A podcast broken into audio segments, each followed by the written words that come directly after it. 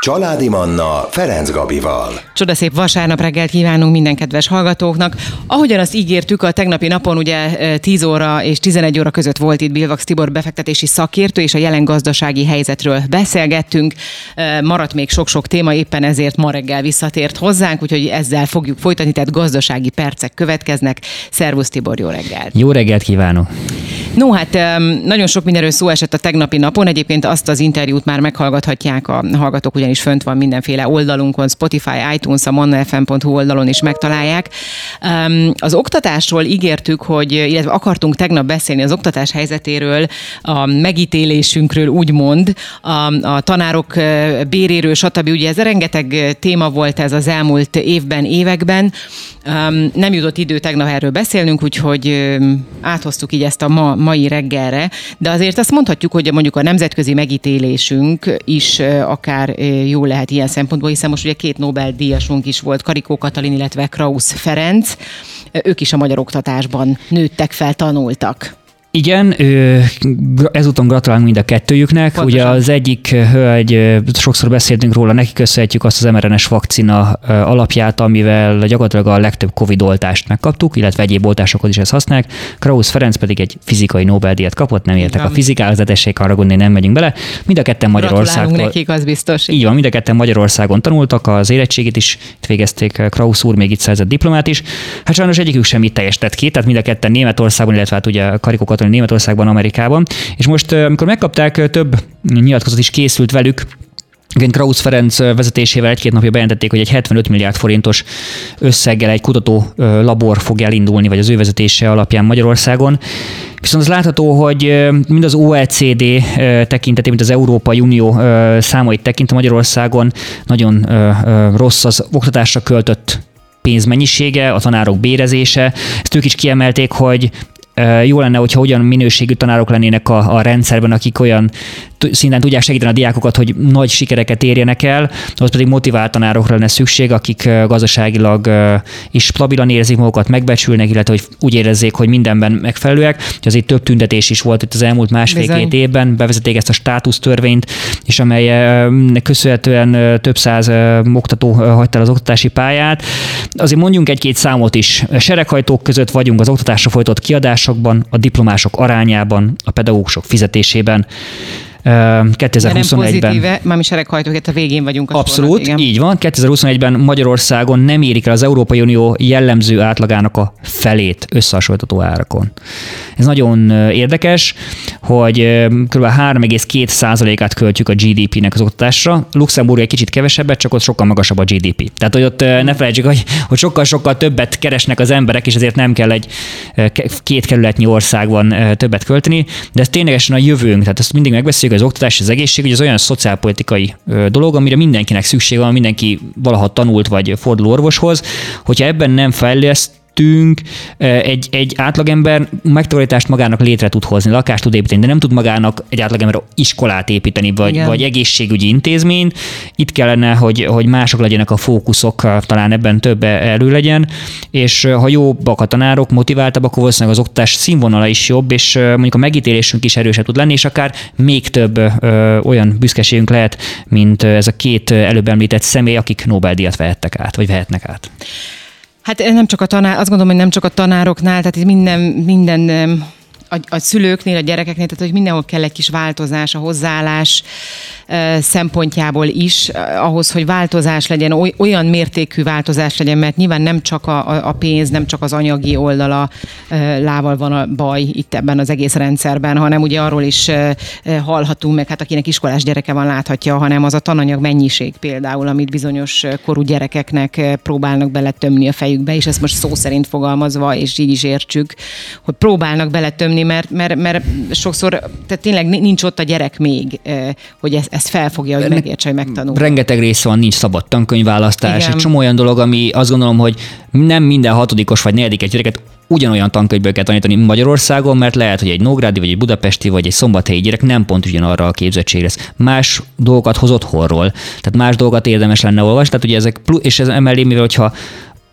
azt mondják, hogy túlterheltek a gyermekek, és szélesebb körben akarnak információt kapni, akkor az meg plusz terhelést kell adni, hogy még szélesebben lásnak. Ez talán nehézség. Ez jutatott el minket oda, hogy eddig mindig mondogattuk, hogy azt érezzük, hogy Románia lehagyott minket, tehát most már ugye ez tény is, tehát gyakorlatilag. Az szempontjából? Hát úgy, most úgy, gazdaságilag. Úgy tehát, gazdaságilag, hogy igen. Aztán nagyon sokat elárul, hogy 2013-ban Románia az EU-s fejlettségi, fejlettségi szint vásárlóerőparitáson nézve, ez azt nézik euróban, hogy hogyha nálunk mondjuk 100 forint a kenyér, kint meg egy euróba, egy euró, de ugye mindig átlagolják, tehát hogy mindenkit megnézik, hogy saját országában mennyit ér. Románia az EU-s fejlettségi szint 54%-án volt 10 évvel ezelőtt, most 76,7%-on van. Mi 76,6-on, tehát lehagyott minket. Az fontos, hogy Románia az elmúlt tíz évben két és félszer gyorsabban növekedett, mint Magyarország. Tehát az a növekedés, hogy mi mindig elmondtuk, hogy mennyit növekedtünk felettségben, Románia sokkal-sokkal többet, náluk most is vannak EU, EU források, nem akadozik úgy a gépezet, nem kellett annyit megszorítást bevezetni, és ez nagyon fontos, mert ő olyan ütemben növekednek, hogy ez gyakorlatilag az olló így folyamatosan tágulni fog. A szlovákok mögöttünk vannak, lengyelek előttünk vannak. Azt nem is mondom, hogy Dánia majdnem kétszer, Írország és Luxemburg három és félszer fejlettebb, mint Magyarország. Hát mindig előttünk voltak, mondjuk. Abszolút, abszolút. A Románia hát, nem volt előttünk. Nem, nem abszolút mögött, teljesen mögöttünk igen, volt Románia. Igen. A Szlovákia az mögöttünk van, lengyelek azok versenyeztünk, de előttünk van, csak... Az oké, hogy ugye EU-s pénzek még jönnek például Romániába is, de gondolom nem ez az egyetlen ok, ami, amiért ők előttünk vannak, vagy most már elkerültek minket, de ezt meg fogjuk vitatni majd a zene után. Maradjanak velünk. Ez a Családi Manna. Ferenc Gabival, itt a Manna FM-en. Folytatjuk a beszélgetést. Vendégem Bilvak Szibor befektetési szakértő. Jelen gazdasági helyzetről beszélgetünk. Tegnap kezdtük ezt a beszélgetés folyamot, és a mai napon folytatjuk így ebben az órában. Ugye arról beszéltünk az imént azok, hogy milyen az oktatás helyzete, sereghajtók vagyunk, siralmasan rossz a tanárok helyzete, meg hát az oktatás helyzete is itt Magyarországon Magyarországon, és akkor eljutottunk oda, hogy Románia lehagyott minket. Gazdasági szempontból nem kifejezetten az oktatásról van itt most szó. És azt a kérdést tettem fel, hogy mi lehet ennek az oka, hogy ők ilyen szinten fejlődtek, vagy haladtak, mi meg közben álltunk, sőt, inkább visszafele mentünk. Mi is fejlődtünk, csak sokkal kisebb mennyiségben. Üm, és ezért ők gyorsabban fejlődtek, és elmentek mellettünk.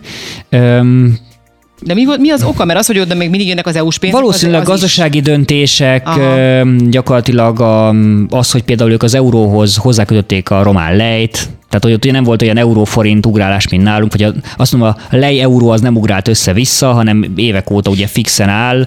Ez is nagyon fontos, hogy egy gazdaság megítélésnél egy működő tőké külföldről bejön, amikor egy látszik, hogy ennyire elkötelezett valaki, hogy, hogy gyakorlatilag befixálja a devizáját, ez, ez nagyon segíteni tud. Tehát a gazdasági döntésekből a kiszámíthatóság, főleg a hosszú nagyobb növekedés, azok a nagyobb beruházások nem egy-két évre, hanem akár évtizedekbe gondolkodnak. Hát ugye ott, aki volt az elmúlt években Romániában, az látható, hogy például nagyon sokszor ki van írva euróban is az ár, árak tehát ha bemész egy boltba, nem minden boltba, de ki van írva lejben és euróban. De és ők ezt nem most kezdték el, ezt már nagyon-nagyon régóta csinálják. Lehet, hogy egyébként ez is, ez is segített azon. A másik még, bocsáss meg így gyorsan, hogy mert azért is furcsa számomra ez a növekedés, mert hogy ők ugye, tehát nem egy szintről indultunk, Persze. hanem ők mögöttünk voltak, és most így rend, rendesen elhagytak bennünket. Hát igen, ugye nálunk is ki van írva euróba, csak ha valaki megy és kiszámol, hogy mennyi az euró, akkor lehet, hogy nem szívesebben fizetik ki euróban, mondjuk bizonyos diszkontláncok, mert nagyon horror ott váltanak. is az euróban. Igen, tehát ott, ott szinte egy, tehát úgymond fix, a, fix az árfolyam, ezért nem kell ilyen óriási differenciákat igen. alkalmazni, ami szemet gyönyörködhető. Hát valószínűleg egy másik pályát választottak, ami jelenleg úgy látjuk, hogy működik, és ne felejtsük, hogy nekik ott a fekete tenger, tehát nekik ugye van saját olaj és gáz lelőhelyük, oké, hogy nem óriási, de hogy ezzel gyakorlatilag ők a nemzetközi kitermelőkkel kötöttek tavaly nagy üzletet, hosszú ők ugye átváltanak így exportőrré, tudnak ebből bevételt Igen. is jelenteni, ugye nagy területtel rendelkeznek, sokkal nagyobb népességszámmal, mint Magyarország, ugye ott is nagyon erős a nyugatra, főleg Németországba távozottak aránya, nagyon sok pénzt küldenek haza. Tehát ezek, ezek ugye vannak hasonlóságok, tehát ők is ebből a szempontból régi, úgymond a keleti blokkhoz tartoztak, hogy, igen, igen. hogy aki tud, az elment, ugye nálunk is kb. egy millió ember külföldön él, Viszont, viszont itt tartanak, és ugye nézzük azért a magyar gazdaság, hogy mit mondanak a hitelminősítők, van három nagy hitelminősítő, a Fitch, az S&P és a Moody's. Hát a Fitch azt mondja, hogy Ugye 3,9%-ról 5,2-re emelte a kormány a hiánycélt. Erről is többször beszéltünk, hogy nem tartható ilyen hiány, mindig van egy hiánycélunk. Mivel gyakorlatilag azt hivatkoztak, hogy az a nagyon érdekes, hogy olyan mértékű az emelés, tehát érezzük, hogy a 3,9-ről 5,2 az nem az csak, hogy 1,3, nem csak 1,3, hanem az, az 1,3 százalék, ha megnézzük mellé, hogy összesen az oktatásra 3,2 százalékát költjük a GDP-nek. Csak hogy érzékeljük, hogy gyakorlatilag mekkora összeg beszélünk, és ők ugye negatív kilátással tartják Magyarországot a hitelminősítésbe, ez azt jelenti, hogy nem azt várják, hogyha a következő lépésre nem, hogy fölminősítenénk minket, hanem inkább lefelé, akkor is még úgymond nem a bóvli kategóriába lennénk. Viszont azt emelték ki, és érzékeljük 2020, 21, 22, 23-ban a magyar gazdaság 26,5 százaléknyi GDP arányos hiányt halmozott fel. Ez azt jelenti, hogy kb. négy év alatt a megtermelt éves GDP-nek az egynegyedével félreszámoltuk a gazdaságot, meg félreterveztük. Ugye gyakorlatilag 9-8-7 vagy 8-7-6-5 százalékig mentünk le, mikor előtte stabilan ilyen 3 százalék körül próbálta a kormány tartani, és ugye jövőre is 3 százalék alá várja a hiány, de ők is azt mondják, hogy nem látják, hogy hogy lesz az 5,2 százalékos hiányból jövőre 3 százalék alatti hiány. Tehát az a kicsit azt mondom, hogy a kormány optimistán tervez, ha minden más szuperül alakul, akkor lesz így. Ugye azért az elmúlt néhány évből megtudottuk, hogy az GDP-t azt mindig, hogy mondjam, jobbra vártuk, mint ami lett a növekedés. Ugye az év elején még másfél százalékos növekedést vártunk most. Hát azért inkább már ugye ez a plusz nullának örülne a, gaz, a kormány is, meg hát az inflációt is hát rendre sokkal alacsonyabbra lőttük igen, be, mint ami igen. a valódi volt, és ez a két szám ez nem jó, mert amikor a, amit, aminek magasnak kell lenni, az kevesebb lesz, aminek meg alacsonynak, az meg több lesz, az ugye a távolság nagyobb, és hogy ezt valaki így tervezi, ott a költségvetésben is problémákat jelent, bizony, hogy ez bizony. hiány. Úgyhogy ez Magyarország egyik megítés, és szerintem itt nagyon fontos, hogy ez az, az Európai Uniós pénzek körüli megállapodás hiánya is benne van Magyarország megítélésében, és a jövőbeni kilátásainkat meghatározza, hogy mennyi tőke, mennyi forrás, mennyire mer ide jönni a külföldi működőtőke, mert azt tudja megtámasztani plusz tőkét hozni Magyarországra, ami egyelőre, ugye most például a kínai és dél-kelet működőtőke jön, nem a nyugat-európai. És minél több helyről jönne nyugat, működőtőke, annál erősebb lábakon tudna a gazdaság állni ha már erről van szó, hogy beáramló pénzek, akkor az EU-s pénzekkel fogjuk folytatni. Most előbb hozunk zenét, életörömzene, hírek, és innen folytatjuk a beszélgetést. Maradjanak velünk. Családi Manna. Családi Manna. Szombaton és vasárnap délelőtt Ferenc Gabival. Folytatjuk a beszélgetést vendégem Bilvak Szibor befektetési szakértő témánk a jelen gazdasági helyzet. Ugye tegnap is beszélgettünk Tiborral, ezt a beszélgetés folyamot folytattuk. A tegnapi adás egyébként már megtalálható az oldalunkon, Spotify-on, iTunes-on és a Soundcloud-on is elérik. Ott hagyjuk abban most a beszélgetést, hogy a beáramló pénzek a piciny országunkba Hát mm, az EU-s pénzekre gondoltunk így egészen pontosan, amikor ezt a mondatot így, így kimondtam. Ugye az a, az a hír járja, amiről már, hát nem is tudom, évek óta beszélünk talán, hogy minimum hónapok, sok-sok hónapja beszélünk arról, hogy nem érkezik meg a pénz, nem érkezik meg a pénz. Most ö, ö, azt olvashatjuk, hogy feloldhatja Brüsszel a befagyasztott magyar EU pénzek egy részét, és akkor még ugy, ugyanitt érdemes elmondani, hogy a négypárti EP vélemény viszont, hogy a magyar bírói rendszer reformja elégtelen, és nem szabad megnyitni a pénzcsapot. Most akkor mi a helyzet ezzel? Hát, hogy időben beszéljünk, gyakorlatilag 2020 decemberében szavazták meg az EU országai a COVID miatti segélycsomagot. Na hát az gyakorlatilag majdnem három éve nem jutottunk hozzá. Még egy fontos adat, hogy Magyarországon több mint 3000 napja, több mint 8 éve folyamatosan válsághelyzet van, vagy veszélyhelyzet a kormány szerint. Ez 8 hosszabb, éve? Több mint 8 éve, 2015-ben kezdődött, ez hosszabb, mint az első vagy a második világháború volt. Csak hogy érzékeljük, hogy milyen hosszan van tömeges bevándorlás, Covid, háború, stb. stb. stb. stb.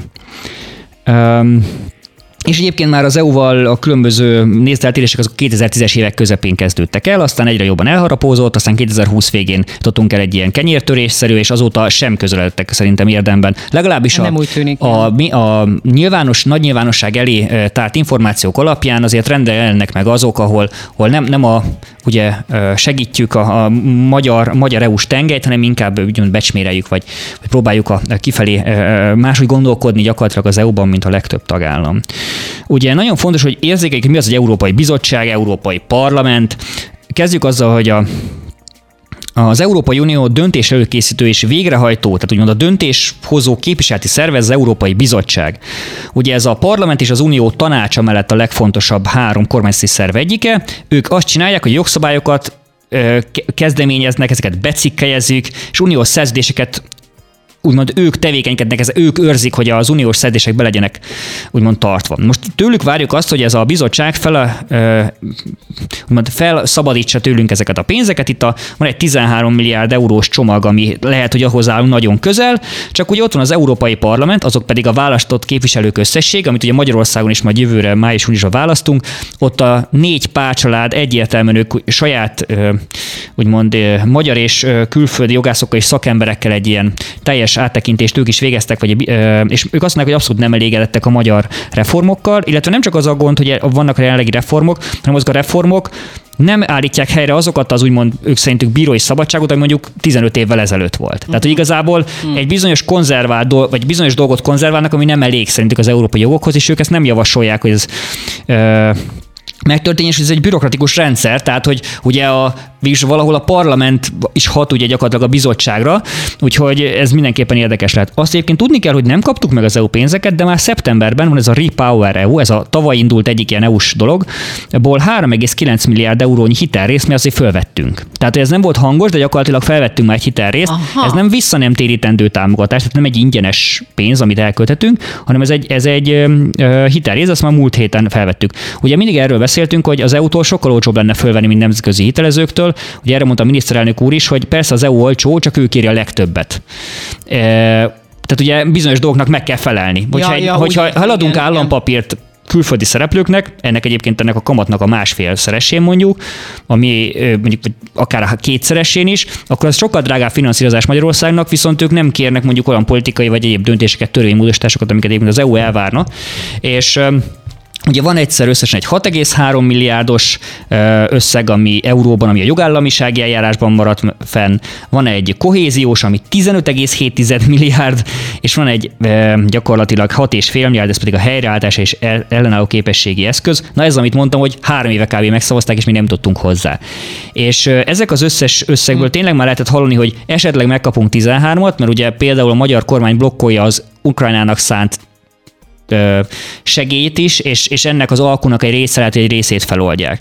Ugye közben viszont sajnos, ezt nagyon szörnyű kimondani, néhány héttel ezelőtt ugye gyakorlatilag Izrael állam területén a Hamas úgymond megtámadta Izraelt, több ezer ember vesztette azóta életét, akik szintén egy nagy szövetségesei az EU-nak, egyébként az amerikaiaknak is, azok a támogatások, amik eddig ugye Ukrajnának mentek, egy része most Amerikából elindul majd Izraelbe.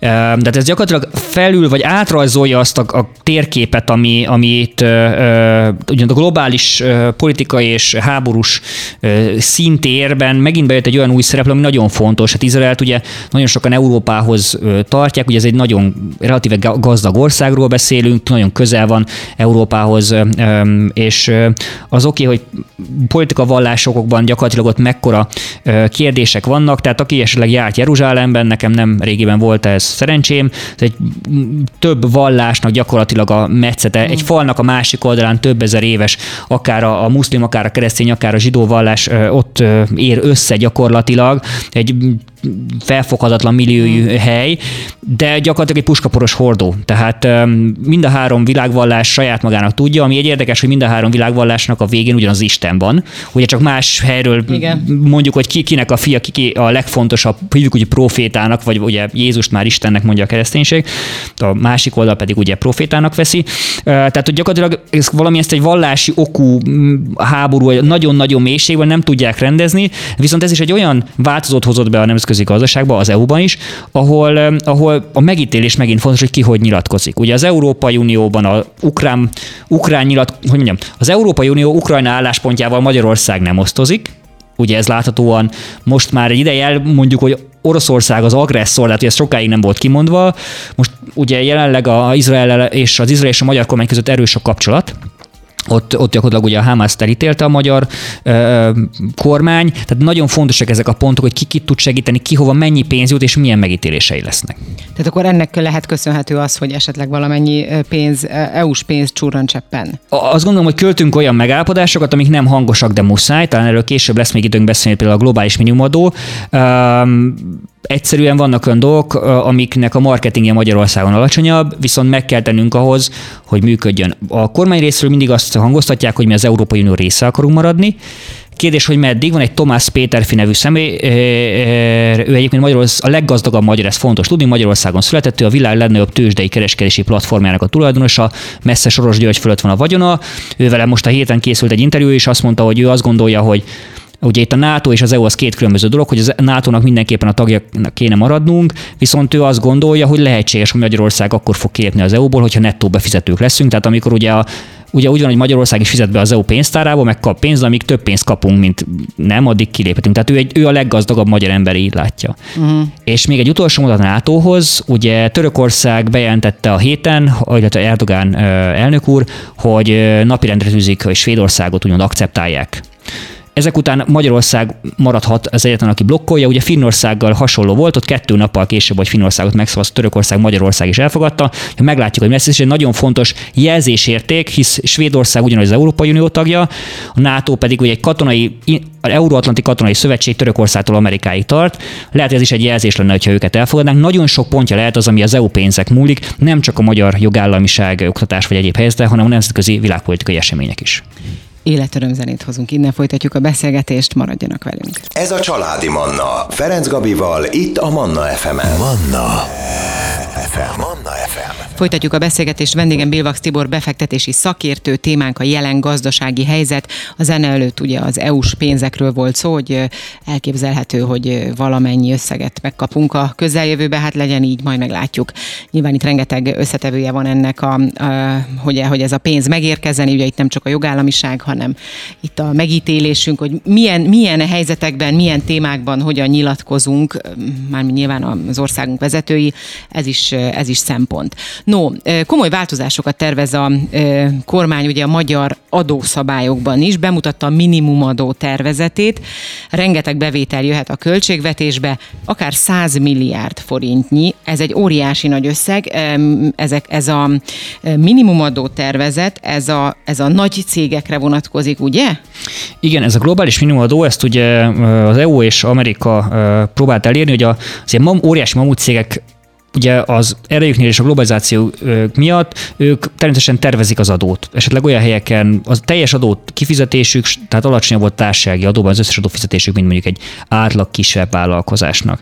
És ezért azt gondolták, hogy a 750 millió eurónyi csoportszintű bevétel, tehát hogyha szétdarabolnák a céget, akkor is összesen fölött ez fog belépni, tehát egy átlag magyar KKV nem fog ja, ezt a globális minimumadót fizetni, ő ugyanígy 9%-os társasági adót fog fizetni, ugye van, ahol van iparüzési adó, egyebek, és Magyarország gal, mivel nem megvétózta ezt tavaly, július elején tavaly felmondta az USA a kettős adóztatásról szól egyezményt, erről is többször beszéltünk. Ez azt jelenti, hogy most december 31 után, aki gyakorlatilag hmm, amerikai részvényekben tartja, amerikai kötvényekben a pénzét, vagy akár amerikai cégnél dolgozik, és kap mondjuk részvény opciós programot, az nagyon rosszul fog adózni, nagyon drága lesznek ez adózás. Hogy érzékeljük ez mekkora, ez Magyarországon kb. 110 ezer ember dolgozik ilyen cégeknél. Nem is gondoltam. A tőzsde méret tekintetében a világ össztőzsdéjének körülbelül az összértéke annyi, mint az amerikai tőzsdének egyedül, az összes többinek, ez egy nagyon fontos, abszolút érték, miről number van, és az EU-n kívül a legnagyobb működő tőkét az USA hozza ide. Tehát nem Dél-Kelet-Ázsia, hanem az USA hozta ide. Uh-huh. Majd lehet, hogy Dél-Kelet-Ázsia szerepe is növekszik. És gyakorlatilag az kormány érzékelte, hogy valamilyen meg kell felelni, és gyakorlatilag a társasági adó mellett a helyi iparűzési adó, van most az energiaellátók jövedelemadója, ez fontos, az innovációs járulékot is ide lehet venni. Ugye ez a 15%-ot ez beletartozik, és ami nem ér el 15%-ot, azt kell még pluszba kifizetni, na ez lehet kb. 100 milliárd forint. És ez a magyar költségvetésbe fog befolyni, mert ugye az a lényeg, hogy tevékenység helye szerint kell mondjuk megadóztatni.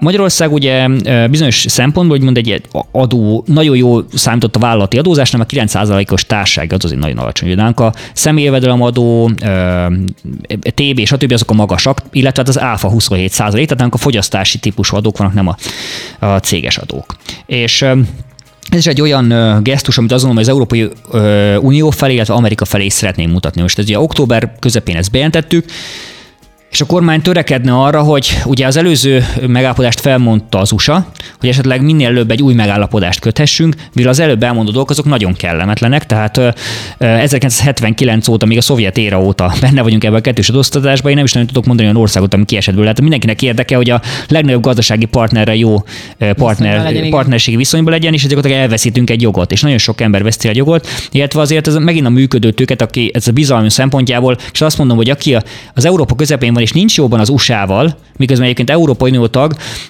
úgy, hogy a NATO tagok is vagyunk, ez megint egy ilyen kicsit furcsa dolog. Tehát, hogy így, így a, és ugye a tőkét megint több helyről jöhet keletről, nyugatról, délről, északról, de a nyugati tőkének azt gondolom, vannak fontos állomásai, amit a mai adásban rengetegszer elmondtunk. Um, és, és ezek mind meghatározó dolgok tudnak lenni. Hogy azt gondolom, hogy a kormány ezzel egy fontos mm, lemaradást vagy gesztust gyakorol, és reméljük, hogy az Európai Uniós is, illetve az amerikai döntéshozóknak is az előny, és az amerikai döntéshozók esetleg újra megkötnek velünk egy ilyen kettős osztásról szól egyezményt, és nem kell nagyon-nagyon magas adókat, többszöröse az adóterhelése mondjuk egy részfényereségnek, vagy akár egy vállalat, amerikai vállalatnál dolgozó munkavállalónak mondjuk a részvényopciós programban elért nyereségének. Uh-huh. Hát a megítélésünk változhat, ugye, pozitív irányba például. Hát javíthatunk között. rajta. Javít, igen. Javíthatunk rajta, igen, egészen pontosan. Ha már Amerikánál tartunk, 15 éve nem volt ilyen magas az amerikai állampapír hozama. Térjünk át egy picit egy mondat erejéig a befektetésekre.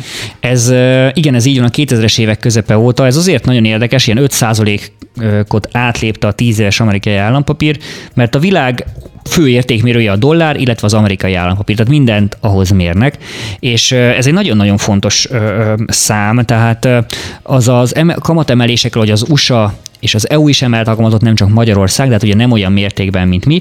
Ez egy nagyon magas szám, tehát nagyon szokatlan Amerikában, hogy ilyen legyen, és náluk azonnal látom, hogy a hitelpiacra is, tehát nincsenek ilyen kamatstoppok, meg ugyanolyan hitelfiak, azonnal látom, hogy a kamat ö, szám, hogy a kamat mennyiség a hitelpiacra, de ott is nagyon sokat lassul.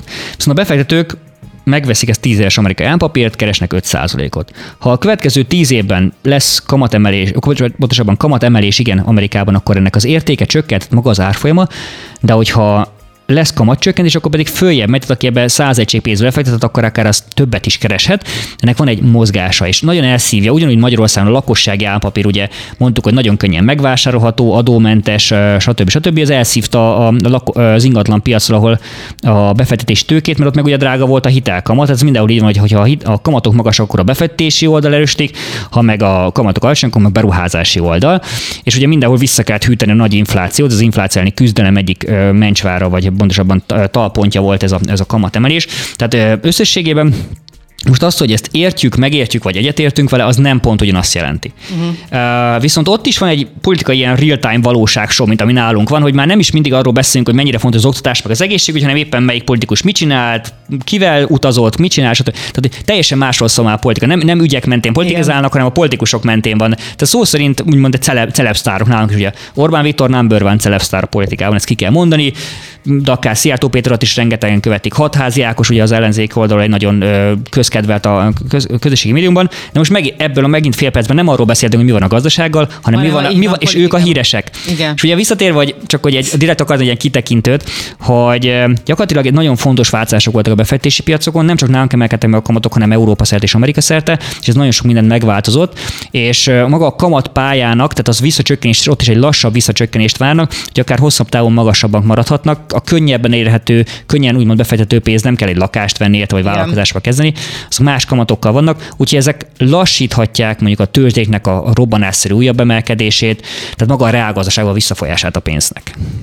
Hát Tibor, azt gondolom, ma is nagyon sok hasznos információt mondtunk el a hallgatóknak, bízom benne, hogy tudtunk segíteni is. Hát egy hónap múlva várlak újra. Hát megint, ha ilyen sok téma lesz, akkor akár két adást is így egymás után gyorsan kitöltünk. Köszönöm a hallgatónak a mai és a tegnapi figyelmet is. Kedves hallgatóim, ebben az órában Bilvax Tibor befektetési szakértő volt a vendégem.